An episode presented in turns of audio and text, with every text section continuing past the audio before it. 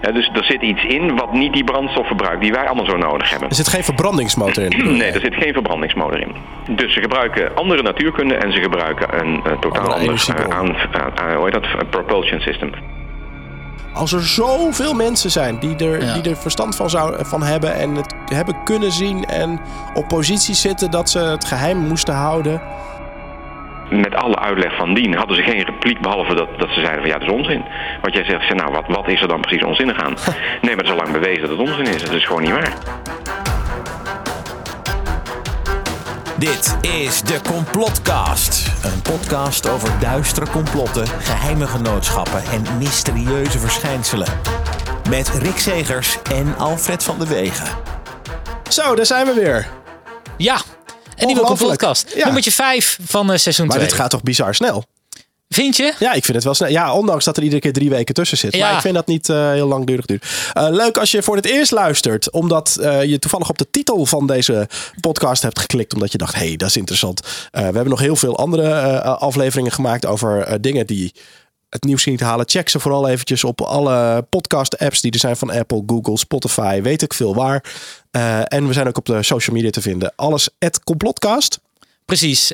En dan, eh, dan eh, ja, als je ons daar volgt en je merkt dat we daar weer wat actiever worden, dan kun je er eigenlijk wel van uitgaan dat er weer een nieuwe online staat. Ja, dat is ook wel weer zo, ja. Dat is eigenlijk wel dus, zo, hè? Wij worden altijd alleen actief als er Ja. weer iets online gaat. Nee, maar dit dit is misschien ook wel even goed om te vertellen de- hoe deze podcast eigenlijk in elkaar zit. Wij zijn gewoon twee mensen. Wij kennen elkaar van, Ja. van het Ah ja, werk. Mensen. Ja. Eh, ja, tenminste, zo doen we ons voor. Ja. Als twee personen. En wij hadden dezelfde gemeenschappelijke interesses, namelijk complottheorieën. Dat vinden wij gewoon Ja. heel grappig. En wij zijn dus in een studio gaan zitten met microfoons erbij, om het daar gewoon eens over te gaan hebben. En dat was wij eigenlijk de dus niet insteek. Wat, van, de- ja, van ja. Wij zijn tegen of voor complottheorieën. Ja. Wij zijn, nou, ik ben voor complottheorieën, want ik vind ze heel leuk. Ja, maar, ik, we geloven ze nou, eigenlijk meestal niet. Nee, maar het- onze insteek is dus niet om het, eh, om het te ontkrachten. Of juist om, om, om te vertellen hoe het zit. En dat we het allemaal niet gelo- moeten geloven wat eh, iedereen vertelt. Wij vertellen gewoon waar een complot Ja. over gaat. En soms aan de hand van een spreker die daar iets in heeft meegemaakt. Eh, daar hebben we geen waardeoordelen over. Dat mag jij maken. Ja. Nou ja, en ik, ja, want we kregen er een paar reacties over. Mensen die hadden eh, die drukken op de complotcast, want die hè, inderdaad eh, ook in de geïnteresseerd in complottheorieën. Ja. Maar die verwachten een heel journalistiek hoogstaand punt, een hele reportage en dat we erop uitgaan met microfoons eh, Ja. en bij mensen bi- binnen stappen en weet Maar ik veel confronteren. Maar dat, is, dat, is niet, dat is niet wat wij doen. Maar we kunnen het nooit goed doen. Want mensen die in complottheorieën geloven, vinden we dat wij, dat wij belachelijk maar doen. En dat we, dat we het niet serieus nemen. En andere mensen die denken dat wij in de. Gek zijn. Dat wij gek zijn. Ja. Of dat we. Nou ja. Dat we in, eh, onder de Illuminati, eh, door de Illuminati beïnvloed zijn en zo. Om ons, om, om de gewone mensen gek te houden. Ja, zo van, eh, ah, deze, deze doen er zo, zo scheidlollig over, dus het, dus klopt niet. Maar dat Ja. is wat ze alleen maar willen dat jullie gaan geloven. Precies. Dus eigenlijk doen we het voor niemand goed. ja. Maar toch hebben we luisteraars. Dat vind ik dan wel weer Ja, grappig. dat is wel. We hebben wel, we hebben echt een steady hetzelfde aantal uh, groepen luisteraars. Dus sinds En- vorig seizoen is die echt verdubbeld. Dus daar zijn Heel leuk. Ja.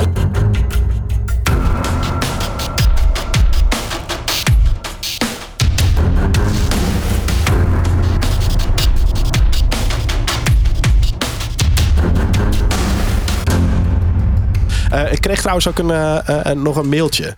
Zal ik die er even bij pakken? Oh ja, doe maar. Het is- ik, we krijgen wel meer mail, maar deze vond ik heel erg leuk. Het is een, een mail van Jelle. Die zegt: Beste mannen, bij mij op het werk smullen we van jullie complotcast. Afgelopen dagen hebben drie collega's en ik dan ook alle complotcasts achter elkaar beluisterd. En onze complotcast aardig aan kunnen vullen. Nu hebben we sinds kort een nieuwe collega die graag meedoet aan onze hersenspinsels. Dat zijn het eigenlijk ook hè, van ons, Ja, hersenspinsels. Eh, wij, twee collega's en ik, hebben hem alleen wel duidelijk gemaakt dat als hij echt wil meepraten, hij eerst Unacknowledged van Stephen Greer twee keer moet bekijken. Wat vinden jullie van Stephen Greer en zijn bevindingen in Unacknowledged? Eh, heb je hem wel eens gezien? Ik eh, heb hem eh, gezien en onlangs dus nog een tweede keer, omdat ik, omdat ik dit mailtje binnen zag komen en dacht van nou, die ga Moet ik nog even eigenlijk nog kijken? een keer kijken. En toen dacht je, oh, dat- die heb ik al gezien. Ja, ja, want ja, het was wel een beetje weggezakt. Ja. Maar dat is eigenlijk een documentaire. Het gaat over eh, Unidentified Flying Objects, UFO's. eh, maar ook over het buitenaardse leven, wat er eh, eigenlijk wel is. Maar dat wij ja, echt dom worden gehouden. Maar eh, deze man, deze Stephen Greer, die heeft eigenlijk allemaal mensen in hoge posities gesproken. In het Amerikaanse leger. die, ja, En over de hele wereld. Ja, die, die zeggen van ja, maar weet je, het is... We worden dom gehouden. we worden echt dom gehouden, want het be- bewijs is overvloedig. En het is er echt wel. Alleen ze willen het gewoon niet dat jullie het weten. Nou, dus dachten wij vandaag, we gaan er een complotcast maken over UFO's. Want daar hebben we het eigenlijk nog nooit heel specifiek over gehad. We hebben het in het eerste seizoen over Area 51 gehad. Wat eh, bekend staat als een basis waar je totaal niet op mag komen. Super geheim. Ja. Er, is nog, er is ook nog nooit echt een ooggetuige geweest die daar echt heeft gezeten. Of die niet in ieder geval meteen tot aan zijn eh, eh, nek is afgebrand van wat een gekkie. Ja. En daar zouden dus ook UFO's zitten. Die in Roswell in New Mexico zijn neergestort. En, en daar proberen ze Ja. dus ook allerlei dingen uit te halen. En, Eh, niet, eh, en, en niet alleen daar, hè, want eh, UFO's zijn de laatste tijd steeds meer in het nieuws. Ze worden steeds vaker gespot. We hebben ook in Nederland onze eigen UFO-meldpunt. Nou, daar, is, daar wordt eigenlijk elke dag wel eentje gespot. Ja, kijk, dat, is, dat wordt natuurlijk, je kunt dat anoniem doen. Dus er zullen ook een paar gekken tussen zitten die het gewoon leuk vinden om iedereen voor het lapje te houden. Er zullen dus ook mensen tussen zitten die echt heel serieus zijn en echt zeker weten dat ze iets gezien hebben. Maar de laatste is bijvoorbeeld van eh gisteren. Eh, en eh, daarvoor eh, 19 november, 18e. Nou, alleen al op 18 december. Dat is een hele pagina die bestaat alleen uit 18 no- november bedoel ik. ja. Dus het is echt. en het zijn allemaal meldingen als eh, twee snel bewegende objecten zonder geluid, oranje lichtbollen, oranje objecten in de lucht. Heel vaak ook dingen die overeenkomen met elkaar. Dus ja, het is, echt, het is echt op dit moment is eigenlijk een hot topic. Maar ik heb het gevoel dat het alleen maar meer gaat worden de komende tijd. Het lijkt wel alsof we geprepareerd worden eigenlijk voor een eh, misschien een, eh, een, een, een eerste contactmoment. Maar goed, daar. eh, Zullen we eens luisteren naar een klein fragmentje uit die, eh, eh, die, die documentaire van, eh, van Stephen Greer. Ja. Waarbij een eh, piloot een ooggetuigenverslag doet van een, ja, een, een UFO.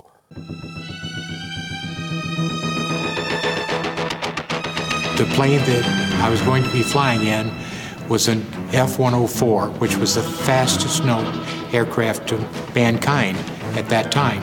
So we're flying down the Rhine River. We're up at high altitude, and about that time, I spot a bogey at about 10 o'clock over here. I don't recognize the craft. I said, Bogey, 10 o'clock. And the captain looked over there said, Well, let's find out. So he kicked it into afterburner, and we went after that, and it disappeared just like that. He says, Please, whatever you do, do not say anything about this encounter. It will get me in much trouble. Ja, it will get me into much trouble. Ja, en ik denk dat dat ook wel klopt natuurlijk. Eh, eh, op het moment dat jij als piloot zegt dat je een UFO hebt gezien, dan verklaren mensen je voor gek natuurlijk. Ja, ja. Het, ik vind het toch wel een eh, ontzettend interessant onderwerp.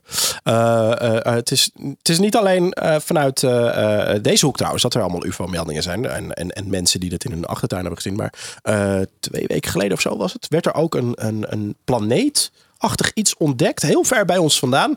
In de vorm van een sigaar. Oh ja, En die schoot opeens toen mensen de camera's daar draaiden. En ze hebben het wel een beetje gefilmd. Schoot hij opeens met een gigantische vaart de andere kant op. Wat niet zou kunnen. Want als een planeet een bepaalde koers heeft. Weet je wel. Dus de richting de Ja, aarde dat uitzet. wijzigt Kan die niet. niet opeens keihard Nee. teruggaan. Dat, Nee. dat kan gewoon ja blijkbaar en- zwaartekracht hij kan zijn koers wel en- wijzigen door inderdaad zwaartekracht van eh omliggende grote planeten Ja. eh, en dat soort dingen. Maar- Maar, niet op eh, manier zoals dat nu gebeurd was bij deze sigaar. Nee.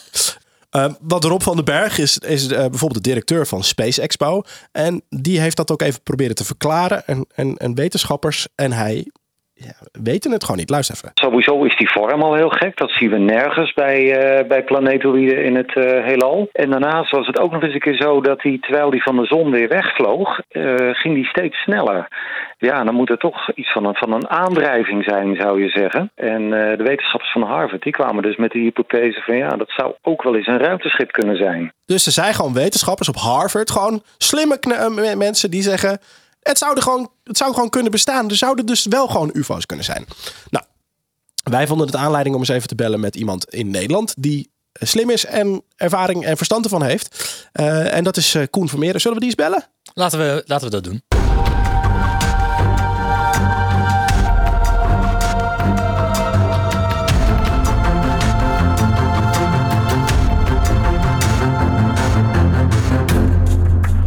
Nou, en aan de telefoon hebben we Koen Vermeeren uit Breda. Koen, goedemorgen, middag, avond of wanneer je dit Ja, ook luistert. Goeiedag dan eigenlijk. Ja, goeiedag. Ehm, ja, we hebben deze podcast over UFO's. Oké. En ik moest meteen denken eh, aan jou, want eh, jij bent wetenschapper, eh, kenner, Ja. eh, eh, misschien ook wel een beetje liefhebber van het fenomeen. Maar ik dacht, ja, jij, wat, wat is precies jouw achtergrond? Zeg maar, je, je, je, je opleiding en, Ja. en, en werkervaring. Ja, ik ben eh, heel mijn leven aan Delft verbonden geweest, zeg ik, want dat is pas geëindigd. TU, hè? Eh, TU, Ja. TU Delft, eh, lucht- en ruimtevaarttechniek. Dus ik zit wel een beetje in de buurt van jullie onderwerp dan, zeg maar. Ja. Ehm, daar heb ik dus heel veel opleiding gedaan. Dus ik ben eh, dokter geworden zelfs, gepromoveerd. Ja. Ehm, mijn specialisatie was vliegtuigmaterialen en constructies. Ik heb jarenlang lesgegeven, eerste en tweedejaars studenten. En Ja. dat zijn er daar heel veel. alleen al het aantal eerstejaars was ongeveer 500. Zo. En vanaf 2002 ben ik ehm, gevraagd om hoofd te worden van het Studium Generale. Dat is een, eh, een groep die, eh, kleine club in de, in de universiteiten in Nederland, die ehm, workshops en lezingen organiseert in de breedte. En aangezien in Delft alleen maar techniek wordt gedaan, eh, hield dat ook in journalistiek, literatuur, ehm, politiek, andere wetenschappelijke onderwerpen. Dus het was een hele mooie baan om ja. zoveel verschillende onderwerpen te mogen bestuderen. Dus ik, ik heb daar een hele fijne tijd gehad. Ja. Hey, en je, je zegt al van ik zit er ondertussen niet meer. Heeft dat een reden? Dat heeft onder andere wel te maken met, eh, ja, met het onderwerp waar we het vandaag over hebben. Ja. Ja. ja. Want met deze achtergrond eh, kun je wel stellen dat jij daar in ieder geval kijk op hebt wat er eh, Ja. gebeurt in de, in, de, in, in, in, het, in, in de ruimte boven de aarde, Ja. zeg maar, in ieder geval. Nou ja, dat is, dat is ook mijn idee. En dat vond ik niet alleen dat ik daar kijk op had, maar ik vond ook dat ik dat met studenten moest delen. Om dat verhaal eventjes te beginnen. In 2008 krijgen we de YouTube-generatie zo'n beetje. Dan ontstaan er heel veel filmpjes. En ik had aan studenten gevraagd van kunnen jullie mij wat filmpjes doorsturen van neerstortende vliegtuigen. Ja. En die kon ik dan behandelen in college. En eh, daar zaten op een gegeven moment ook filmpjes tussen eh, van UFO's, maar ook vanuit de Space Shuttle. Waarbij de bemanning, de astronauten, spraken met het grondstation van Houston: We still see the alien spacecraft. Hè? En dat is wel redelijk spannend natuurlijk. Dus Ja. ze wilden graag van mij weten hoe ik dat dan zag. En ik zeg, nou, ik weet dat niet. Ik vind het ook wel heel bijzonder. Nog nooit van gehoord. Maar ik ga het voor je uitzoeken. Ja. En dat had ik niet moeten doen eigenlijk. Oh. Ehm, nou ja, wat hadden ze gewild dan? dan kom je in zo'n grote wereld met eh, heel veel, en dan praat je echt over duizenden experts, dus piloten, astronauten, luchtverkeersleiders, militairen, die eh, zulke bijzondere UFO-ervaringen hebben eh, en dat willen delen, maar eigenlijk wil niemand daar naar luisteren. En dat wordt dus eigenlijk in de media, maar ook in de universiteiten, wordt dat gewoon als een taboe behandeld. ja, want je bent eigenlijk een aluminiumhoedje. Nou ja, dan komen er al dat soort beschimpingen op Ja. Af. Terwijl het enige wat ik wilde was gewoon mijn werk doen. En gewoon zeggen, oké, dit is een belangrijk onderwerp. Ik heb dat ook eerst met studenten besproken. Ik zei, joh, wat ik nou ben tegengekomen, hoe kijken jullie daarnaar? Ja. En die hebben gevraagd van, ja, dat moet u ons wel gaan vertellen. En dat ben ik toen gaan doen, want ik vond dat ze gelijk hadden. Ik vind dat je dit met elkaar moet delen. Maar Koen, je bent wetenschapper, toch? Dus Ja. je moet dingen onderzoeken. Dat is het, dat is Ja. het. Ja. Maar, maar niet als het dan bepaalde mensen niet uitkomt. Nou, het, is, het gekke is dat ik, ik was heel naïef eigenlijk hoor. Dus we praten over 2009 ongeveer. Eh, dat ik dacht van, nou goed, ik zoek dat goed uit. Hè, dat, dat kan ik ook, daar ben ik voor opgeleid. Het is mijn vakgebied, dus en daarna ga ik erover praten. Laat ik het anderen horen. Ja. En die zaten echt te kijken alsof ze het in Keulen horen donderen. En ehm, eh, met alle uitleg van dien hadden ze geen repliek behalve dat, dat ze zeiden van ja, dat is onzin. Wat jij zegt, zeg, nou wat, wat is er dan precies onzinnig aan? nee, maar het is al lang bewezen dat het onzin is. Dat is gewoon niet waar. Dus, dus je komt niet in een wetenschappelijk domein terecht, maar in een heel intermenselijk domein. Een soort waarbij mensen- emotioneel... eh, Emotioneel, Ja. psychologisch, eh, cognitief dissonant. Enfin, ik, ik heb heel veel moeten leren in dat jargon om te snappen waarom anderen dit niet konden begrijpen. ja. Ja. En uiteindelijk heeft dat ertoe geleid dat jullie uit elkaar zijn gegaan. Nou, dat- zo mag je het niet zeggen. Het is iets complexer dan dat. Ja, maar ehm, ik, ik ben vanuit dat studium generaal ook nog wat hele andere onderwerpen tegengekomen. Onder andere 9-11, waar ik me heel erg in verdiept heb. Maar ook zaken over dingen die binnen de farmacie niet kloppen. Of binnen de bankaire wereld. Of heel eenvoudig. We hadden op een gegeven moment die bacteriën die niet meer op antibiotica reageren. Dus ik denk, nou, het is een interessant onderwerp. Ik wist daar niks van. Maar ik dacht, nou, dat gaat ons allemaal aan. Dus ook in Delft. Dus ik vraag een van de experts in Nederland, een, een hoogleraar eh, uit eh, Amsterdam. Van kun je daar wat over komen vertellen? Nou, dat is goed. Dus ik zit natuurlijk, omdat ik organisatie ben, van tevoren even te eten. Na afloop even een drankje.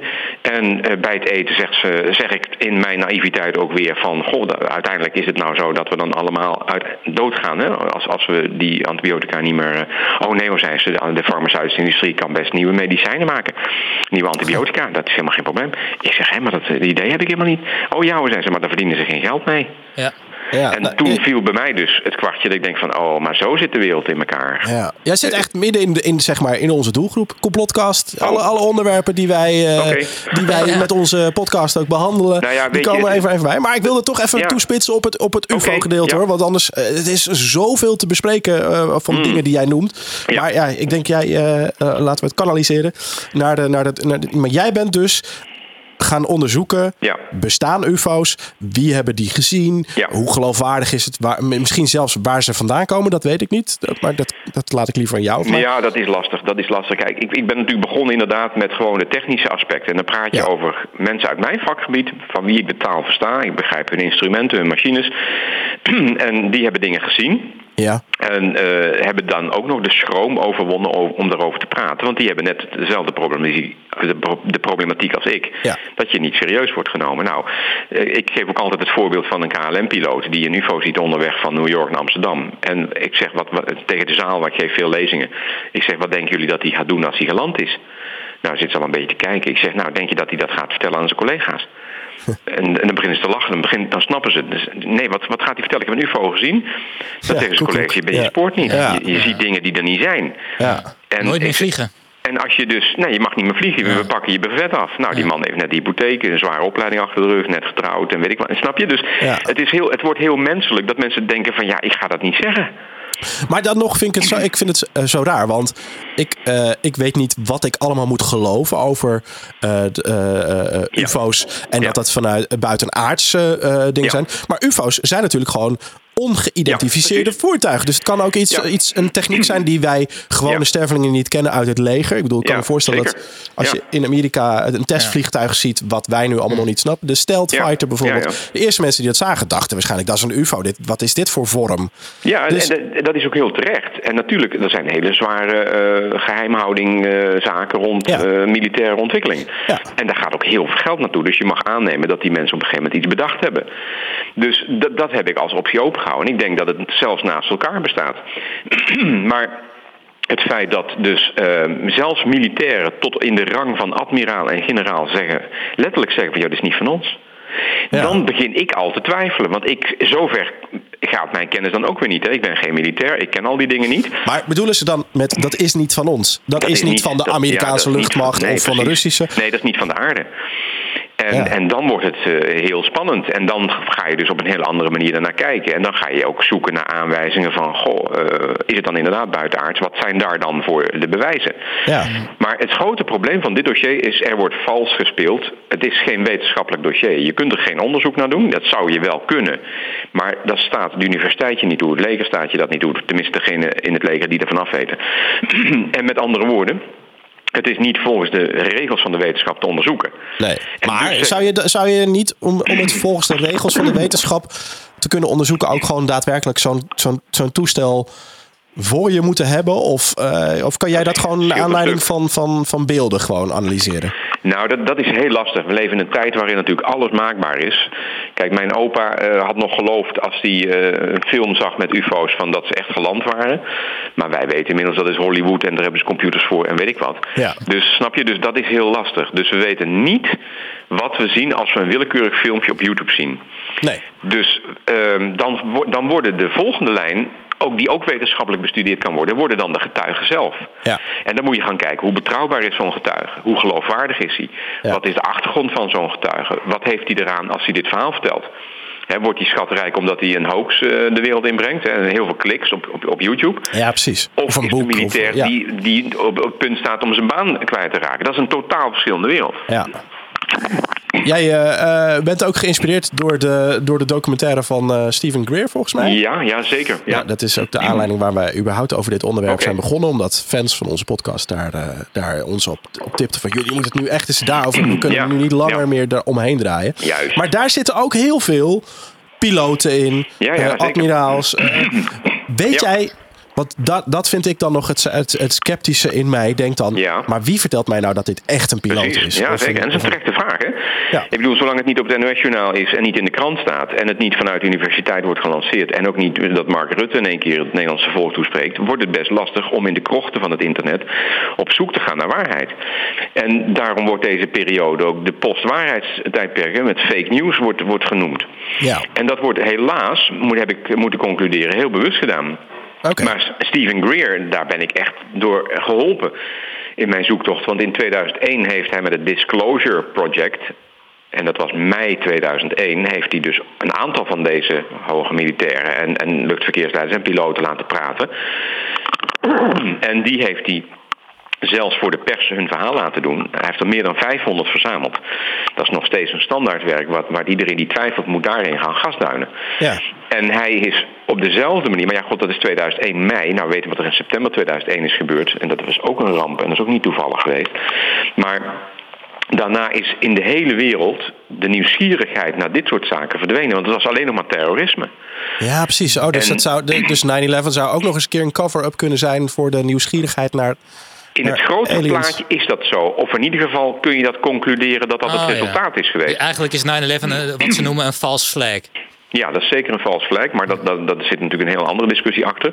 Maar in het grotere plaatje hebben de belanghebbenden daar in ieder geval ook mee bereikt dat het hele UFO-dossier gewoon van tafel was. Maar, Ja. en, en dan even een vraag voor eh, de echte leken. Eh, Want wat, wat is, eh, hè, want heel veel mensen hebben die documentaire denk ik ook Nee. niet gezien, die nu misschien aan het luisteren zijn. Waarom, waarom, wordt, het ons, eh, ja, waarom wordt het voor ons achtergehouden? Waarom wordt het niet gewoon verteld? Hè? Want het zou, het zou echt eh, nou, het, het hoogtepunt in, eh, Ja, ja. in onze Ja, ja. geschiedenis eh, Zijn. dat kan ik je in twee woorden uitleggen. Ehm, transport en energie. En dan denk je, nou, ik ga iets meer worden, dat kan. Ja, ja. Weet je, als we naar die UFO's kijken, en dat doe ik als techneut, dan zie ik ongelofelijke prestaties. Dan praat je over van 0 tot 10.000 kilometer per uur in twee seconden. Ja. Nou, dat kunnen wij niet, hè. Zelfs de duurste Ferrari is daar niet toe in staat. Nee, er- zelfs het snelste vliegtuig kan dat niet. En ze kunnen ook met die snelheid nog eens een keer een haakse bok vliegen. Dus eh, met andere woorden, er geldt daar een totaal andere natuurkunde. Nou, dat moet je al als wetenschapper enorm interesseren. En verder hangt er achter die eh, UFO hangt geen pluim. Dus er zit iets in wat niet die brandstof verbruikt die wij allemaal zo nodig hebben. Er zit geen verbrandingsmotor in. Nee, er zit geen verbrandingsmotor in. Oké. Dus ze gebruiken andere natuurkunde en ze gebruiken een eh, totaal Andere ander eh, aan, aan, aan- hoe heet dat, Een propulsion system, voortstuwingssysteem. Nou, en dat moet zo interessant zijn voor de wetenschap, want wat kunnen wij daarmee doen? We kunnen daarmee letterlijk alle problemen op deze wereld oplossen als het gaat over grondstoffen. En want al die oorlogen zijn olieoorlogen Ja. en, en, en nou grondstofoorlogen. Ehm, we kunnen het transport oplossen wat enorm vervuilend is. Ja, dat, dat weten we allemaal. En dan heb ik het niet over de CO2, want dat vind ik een grote onzindiscussie. Maar ik heb het wel over de vervuiling die gepaard gaat met het verbranden van fossiele brandstoffen. Ja. Eh, en kernenergie, want dat is net zo kwaadaardig. Ehm, dus dat is in één klap op te lossen met die technologie. En als je dan zegt, ja, dat is geheime militaire technologie, dan zeg ik van dat, dat hoort niet. Dat moet de mensheid ten goede komen. Dus dat is één. En als het van buitenaardse afkomstig is, dan vind ik al helemaal dat het verhaal verteld moet worden. Want dat betekent dat we contact hebben en dat het universum veel groter is, dat we er heel veel van kunnen leren. Maar zou, zou, zou dat, zou, zouden ze dat, dat, dat tweede gedeelte, hè? Dat, dat als we contact hebben gehad, want Ja. Mhm. dat blijkt een beetje uit deze docu. Er zijn gewoon nou, die 500 man die zeggen gewoon, joh, we hebben ze Ja, gezien. zeker. Er zijn andere mensen die zeggen, we hebben zelfs eh, eh, gecommuniceerd met ze. Eh, Ja. Maar, maar eh, eh, is, willen ze dat dan geheim houden omdat ze niet eh, precies weten wat die andere mensen, of andere, andere mensen, andere, andere ja, ander, ja, wat zijn het eigenlijk? Andere levensvormen, ja. ga ik maar even uit dat erin zitten, van ons Ja. willen? Of Nou ja, weet je, dus ook dat is een- heel eenvoudig. En dat, daar viel bij mij het kwartje toen eh, de paus zei, dat is de huidige paus, die zei een jaar of wat geleden, dat als buitenaardse zouden landen, dan zou hij ze wel willen dopen. Ja. Ja, Ja, dan, ja, dan- ik kijk, daar zit, daar zit ja. zoveel achter, achter die ene zin. Is namelijk van, ja, dan gaan mensen op aarde zich afvragen van, ja, wie, wie doopt hier eigenlijk wie? En waarom worden er mensen gedoopt? Ja. Hoe zit het met het geloof? ja, Snap je? Dus er komt een totaal andere wereld aan. Maar dat betekent dat de volledige machtsverhoudingen op de planeet veranderen. Ja, dus, dus je hebt Ja. de Shell niet meer nodig. Je hebt de, de, de- hoe heet het? De, eh, eh, Uh, de Eneco heb je niet nodig. Je kunt meteen bellen. Zeg, joh, uh, met die technologie, ik zet het hier in huis en ik heb jullie niet meer nodig. Nou, dan moet je eens even kijken hoe de geldstromen lopen in deze wereld. En wie er in één keer geen boterhammen meer verdienen. Ja. En voor de paus geldt precies hetzelfde. Dat is ook een businessmodel. Ik ben Die verdient natuurlijk lang- ook gewoon aan alle, alle zieltjes die... Nou, ze eh, zijn schat hemeltje rijk, laten we Ja, eerlijk wezen. ja. En de, rijkste, de rijkste 1% die heeft de macht in handen in, in, in de wereld. En die worden dan ineens eh, compleet onbelangrijk gemaakt. Ja, dat kun je niet uit handen geven natuurlijk. Nee, de omdat economie iedereen- op het spel zetten is eh, heel gevaarlijk dan ook. Omdat iedereen zijn vrijheid krijgt. En daarom wordt die Ja. energie die uit de fabric of space eh, komt, vrije energie, nulpunt energie, wordt ook letterlijk, dat is een goede benaming, is ook vrije energie. Hij is vrij van rechts, hij is vrij van een meter die ertussen ging. En wat dat betreft hoef je alleen maar naar Nikola Tesla te kijken. Want ik vind Elon Musk ook gewoon een, een, ja, een, een, een bedenkelijk iemand als hij dus die mm, machines van hem Tesla-motors noemt. Eh, want Tesla was juist de man, 100 jaar geleden, die vrije energie ontwikkelde. Zijn grootste hoop en droom was dat de hele mensheid gratis energie via de ether zou kunnen krijgen, dus via de lucht. En eh, dat, dat is helaas eh, niet gelukt. Maar waarom is het niet gelukt? Omdat zijn financiers hem heel kort aan het lijntje hielden. En op het moment dat hij succesvol was, zeiden ze van ja, helaas, er is geen geld meer voor je. En dat is eigenlijk het lot geworden van alle mensen die met deze technologie op aarde, dus gewoon aardklingen, met die technologie bezig waren. Die zijn allemaal of de nek omgedraaid, of financieel of letterlijk. En eh, in de tussentijd worden die patenten opgekocht en in een kelder verborgen.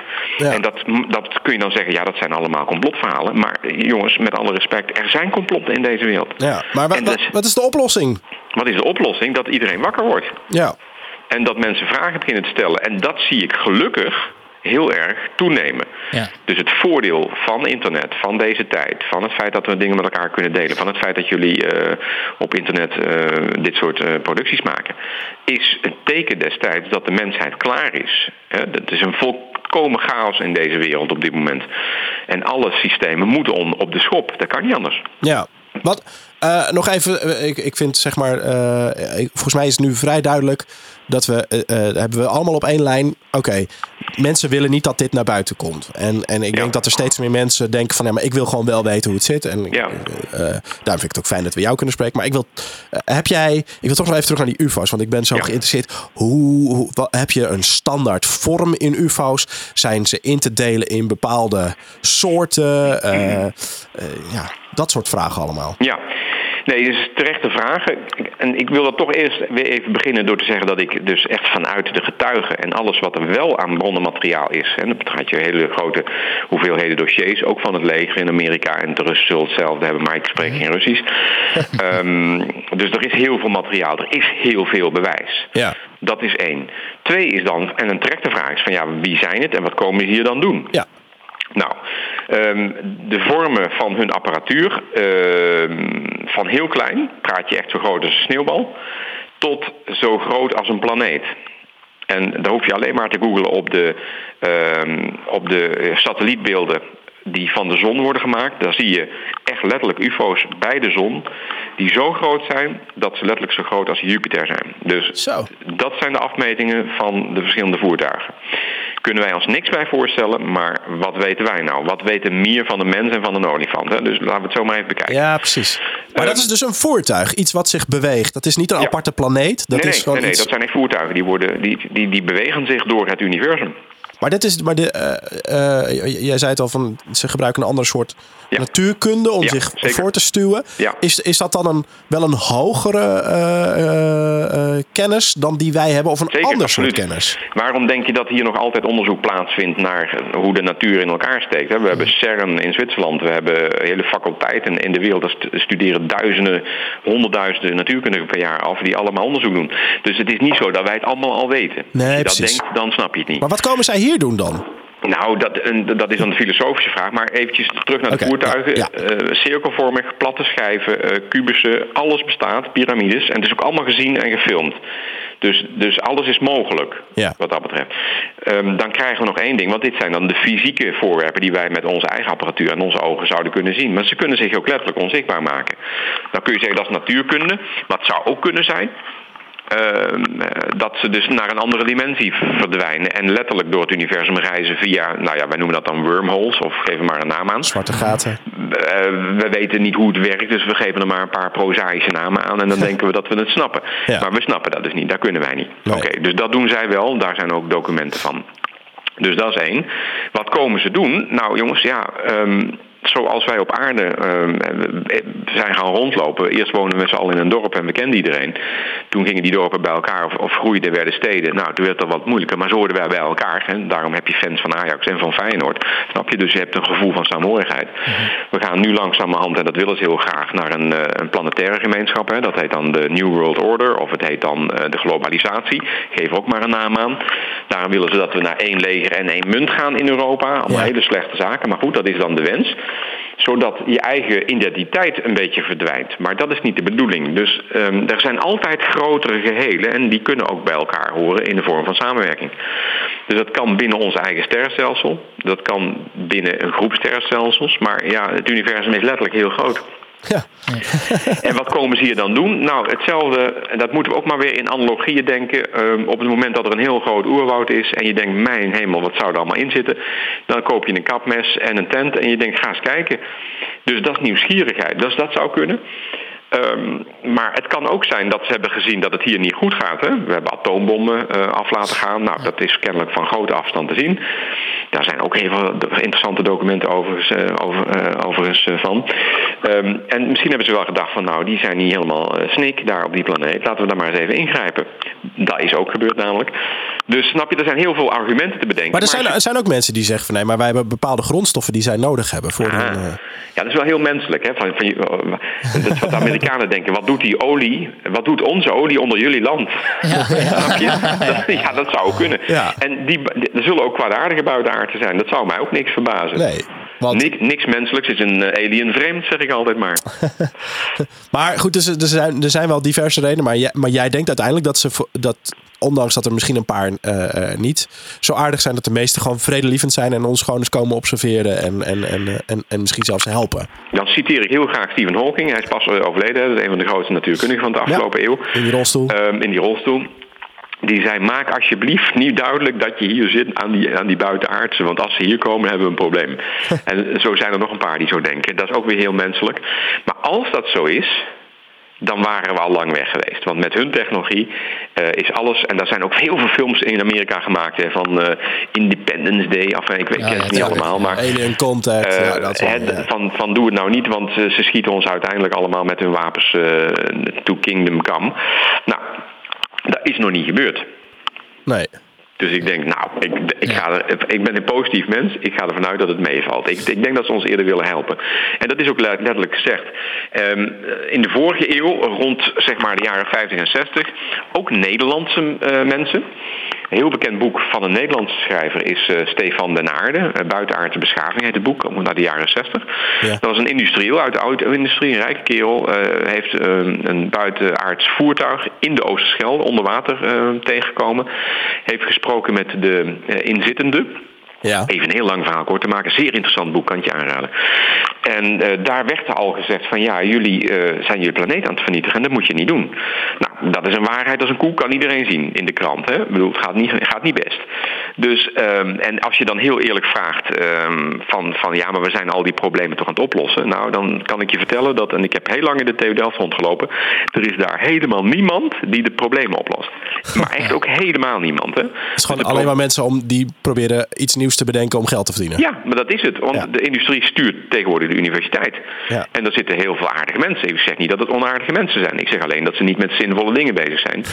en dan chargeer ik uiteraard. Er zullen best een paar interessante onderzoeken eh, tussen zitten die ons gaan helpen. Maar uiteindelijk is het meer van hetzelfde. En het product moet gisteren af. En niet morgen. Ja. Dus, en, en dat werkt niet. Dat kan gewoon niet meer. Want wij zijn letterlijk alles aan het opmaken. En vervuilen.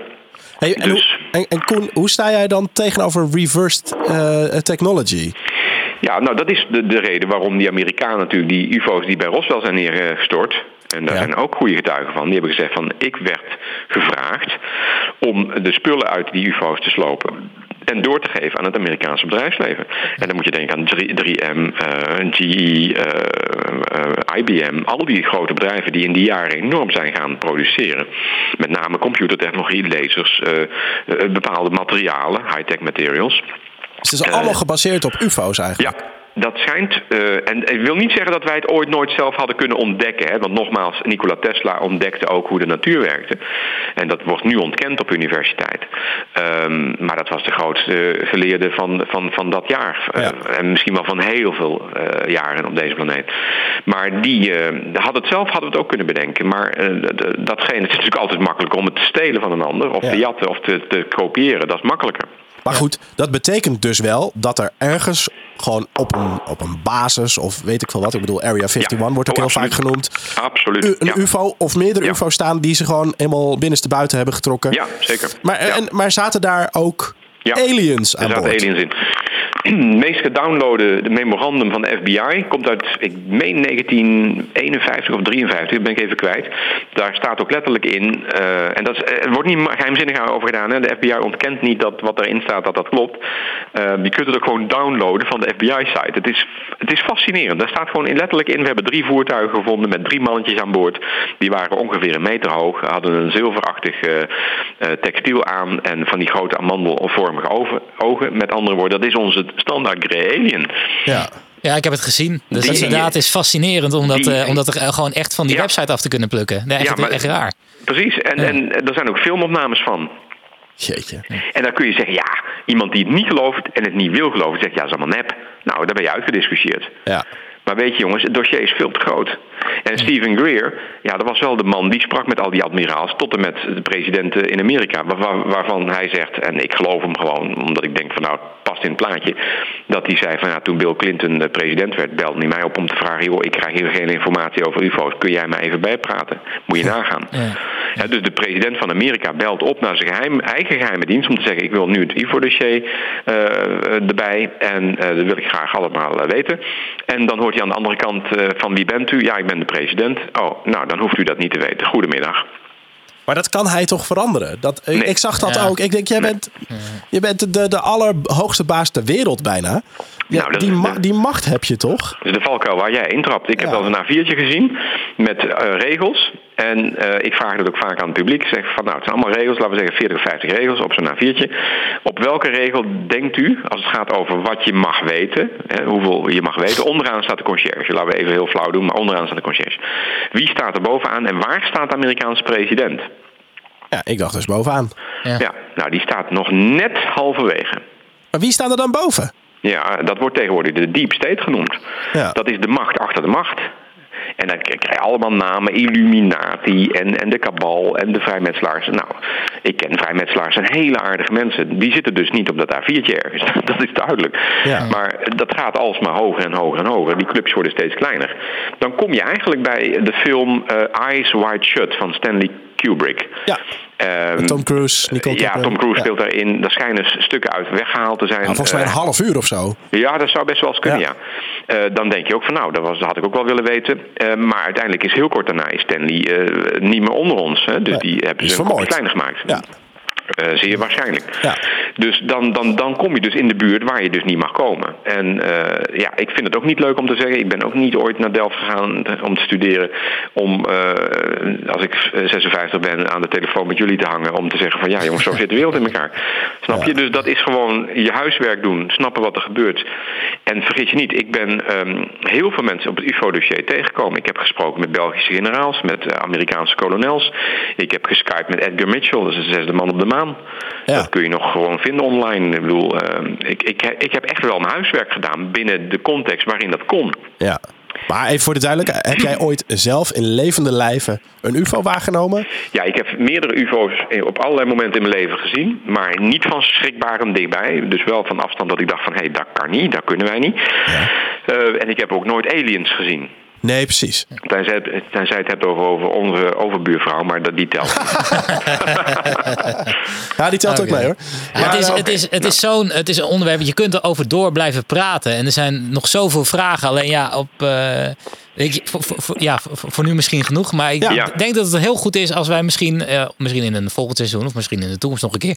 eh, daar, daar verder over gaan praten. Ja, Maar, waar, super interessant, Waar ik nog wel heel erg benieuwd naar ben... en ja, ik kan me ook voorstellen voorstellen dat je het niet uh, durft te zeggen. Maar zou jij een voorspelling durven te, te, maken over wanneer, wanneer, het, zeg maar, wanneer we voor het voor het eerst echt een keer gewoon te horen krijgen. Dus ook van hè, in het NOS Nieuws of uh, in het RTL Nieuws of wat dan ook.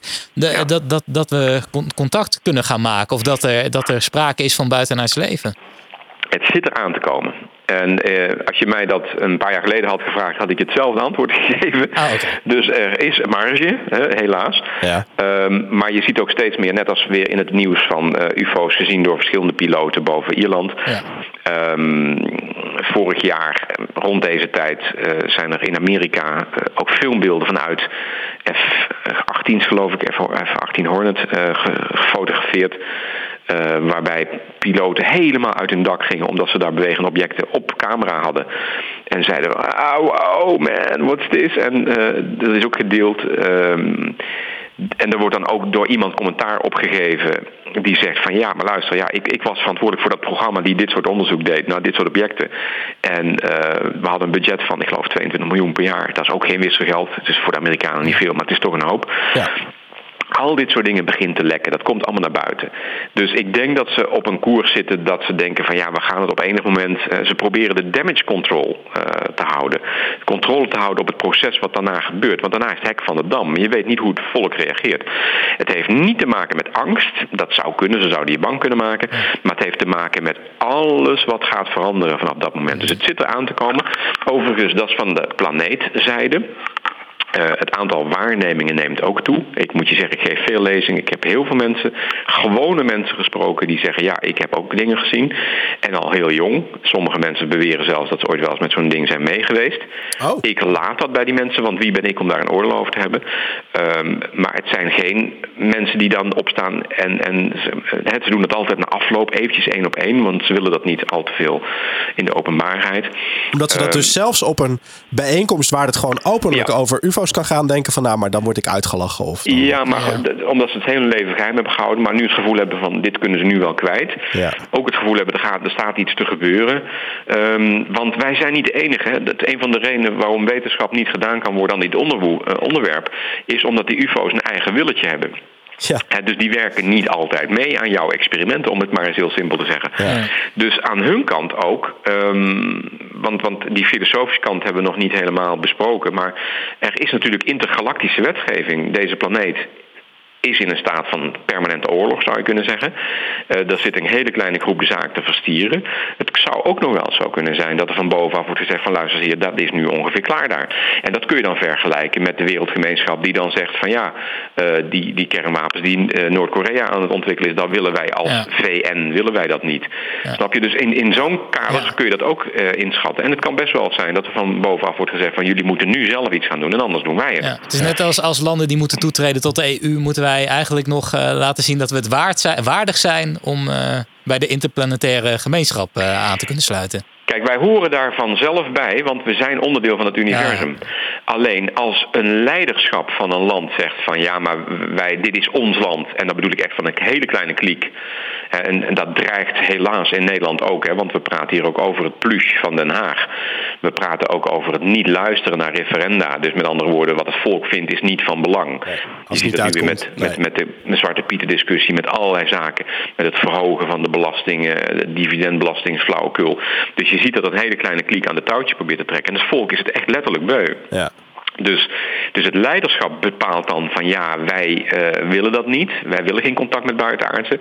Maar hoe de fuck is het leiderschap? Hè? Ja. Dus wie zijn jullie dan Waarom eigenlijk? mogen ze dat, zij dat voor ons beslissen? Ja. Ja. En waarom gaan zij erover? Want wij hebben geen verlicht leiderschap. We hebben gewoon zetbazen van de industrie. Ja. Mark Rutte wordt betaald vanuit Unilever. Daar komt hij vandaan en dan gaat hij hoogstwaarschijnlijk weer naar terug. Ik noem maar wat. Hè. Dat is wat het volk nu begint te zien. De hazen lopen heel duidelijk een bepaalde richting uit. En ik denk dat die tijd, als je ook een beetje proeft, ik denk dat die tijd voorbij is. Ja, dat het, dat, Ja. dat het nu gaat veranderen. Eindelijk. Ja. Mooie, mooie conclusie, ja, denk ik. ik. vond dit ook een hele mooie eh, conclusie van ons gesprek. Nou, mooi. Dank voor je tijd. Ja, graag gedaan. En eh, eh, nou ja, als we nog eens een keer iets in het dossier hebben, bellen we je gewoon nog een keer. Geen enkel probleem. Als ze geland zijn, dan uh, bel mij gewoon. Goed, heel goed.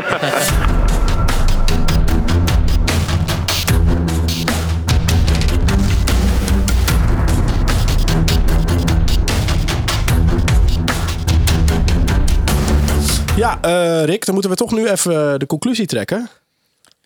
Ja, nou ja, het is. ehm nou, buitenaards leven. We zijn eigenlijk wel al heel lang met elkaar over eens. Hè? Ook zeg maar niet, niet alleen de Er complotdenkers. Er is, er is een grote, hele Of- grote kans, bijna 100% dat er buitenaards leven is. Ja, alleen Eh, eh, de- wij, er zijn dus heel veel mensen die zeggen: ja, maar we hebben het nog niet ontmoet. Ja, dat. En ik denk eigenlijk, ja, je weet niet, eh, die kans is wel heel groot. Maar de kans dat ze net zo intelligent zijn als ons, of misschien dus intelligenter, want daar zijn we eigenlijk naar op zoek. Hè? In, in, als ze een UFO hebben gemaakt, zijn ze een stapje verder dan dat wij zijn. Ja, je zou natuurlijk ook kunnen zeggen: als ze naar aarde komen, zijn ze helemaal niet intelligent. Want waarom zou je naar de aarde komen? Ja, dat is ook weer waar. Maar goed, ja, ik, ik denk de- dat er wel buitenaards wezen is. Ik weet niet of het eh, een U- UFO's Leven, zijn. Ja, dat, dat, dat vraag ik me heel erg af. Want wie zegt dat het niet gewoon inderdaad andere, eh, hè, de, de, de andere landen, andere regeringen zijn met hun eigen testen. Dat vind, ik zo, dat vind ik zo bizar. Weet je wel, ook het, wat ik zei over eh, allerlei luchtvaarttoestellen die wij niet kennen, maar die ze aan het testen zijn. Weet je, als je het voor eerst, eerst een drone ziet vliegen, dan denk je eh, eh, gewoon, ik bedoel, twintig jaar geleden Ja. vlogen die. Ja, eh, dan je je dood. Dan dacht je, wat de fuck is dat? Ja. En nu denk je gewoon, oh, dat is een drone. En dat, zou, en dat zou heel goed kunnen. Hè? En, en, en als je het dan niet kan verklaren, dat je dus maar ziet voor buitenaards leven. Want het gebeurt al. In de mensheid is dat vaker gebeurd. De eerste, de eerste keer dat de Indianen schepen van Spanjaarden aan zagen komen Precies. in eh, Amerika, dachten ze ook dat het goden waren. Weet je wel? Dus de, het is op zich niet zo heel raar eh, dat. eh, Maar ja, toch, ik ben wel een beetje aan het twijfelen gebracht. ja, Ik denk Nou, toch wel van ja, ja, maar weet je wel, als er zoveel mensen zijn die er, Ja. die er verstand van, zou, van hebben en het hebben kunnen zien en op positie zitten dat ze het geheim moesten houden. Zoveel mensen. Ja. Ja, goed. Ja, ja die Zouden die documentaire is gewoon. allemaal eh, liegen? Ja. ja, ik vind die, ja, de documentaire is heel goed. Voor de mensen die dus eh, nog niet hebben opgeleid deze podcast, eh, beter doen. Unacknowledged. maar unacknowledged, dat is echt, die is echt de moeite waard. Ja. Nou, tot zover genoeg reclame voor die Stephen Greer. Zullen we het maar op afsluiten? Ik ga er niet eens een getal aan geven nu. Nee, nee. Want ik, ik, Jij- jij gelooft ik het, sta ja. op twee, twee poten. Ja, oké. nou Aan de ja, ene kant zegt, Ja. zegt, zegt de, de verstandige mensen mij, nee, hou op. En aan de andere kant Ja. denk ik, ja, Ja, maar het, het, ver- ja, verstandig. Ja, wat is dan verstandig? ja, dat is ook een De conservatieve man in mij, die, zegt, eh, die staat er ook maar met één beentje in hoor. Potverdikkie. Als je nog een leuke suggestie hebt, want dit was een hele leuke suggestie van eh, eh, Tim, Ron, Jelle en Joram. Die zaten te, te luisteren op hun werk. Als jij nog een leuke suggestie hebt, complotcast.gmail.com is ons e-mailadres. En anders heten wij op alle social media's complotcast. Als je ons ergens vindt, laat gerust een recensie achter over hoe slecht je het vindt. Hoe, Ja, hoe, hoe ja, ga ontzettend je in de macht van de Illuminati wij zitten. Of Ja. eh, dat wij juist eh, echt eh, totaal niks van snappen. Ehm, en we zien je over een paar weken weer met een nieuwe, vol frisse tegenzin. Ja, heerlijk. Heerlijk weer met jou in één ruimte. Zin in. Neem ik wel even iets van een deo mee voor jou. Oh, oh ik dacht...